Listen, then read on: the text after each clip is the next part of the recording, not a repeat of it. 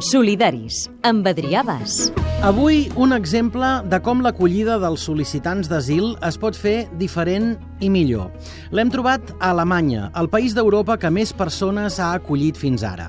Però Asyl és una organització independent de defensa del dret d'asil amb més de 30 anys d'experiència que no ha parat de fer campanya al seu país però també arreu d'Europa. El seu coordinador es diu Frank Koop. Ich bin verloren in deiner Mitte, machst mich zum Kämpfer ohne Visier.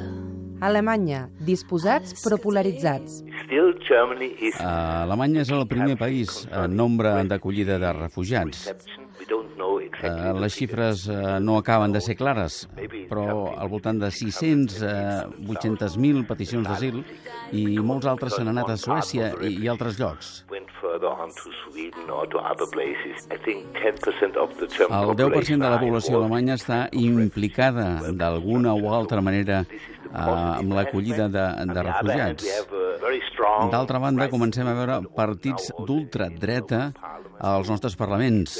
La societat està polaritzada, però el pilar principal d'Alemanya, i diria que de tota Europa, la societat civil està funcionant.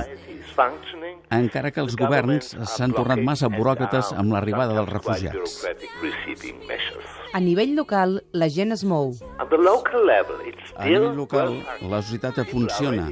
La gent s'ofereix per fer classes d'alemany, els metges jubilats s'han posat a disposició dels centres d'acollida, els mestres s'han ofert a treballar més hores, ens fan falta mestres, ens calen més allotjaments, però hi ha la clara convicció que entre tots ho podem fer, que ens en sortirem. Benvinguts, nous veïns.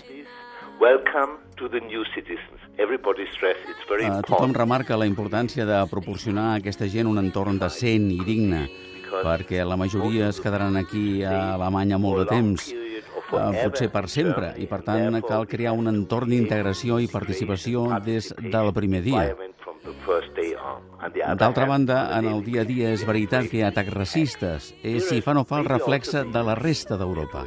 Alemanya davant l'acord Unió Europea-Turquia. L'opinió pública és totalment reticent, eh, és crítica amb l'acord, perquè és una vergonya.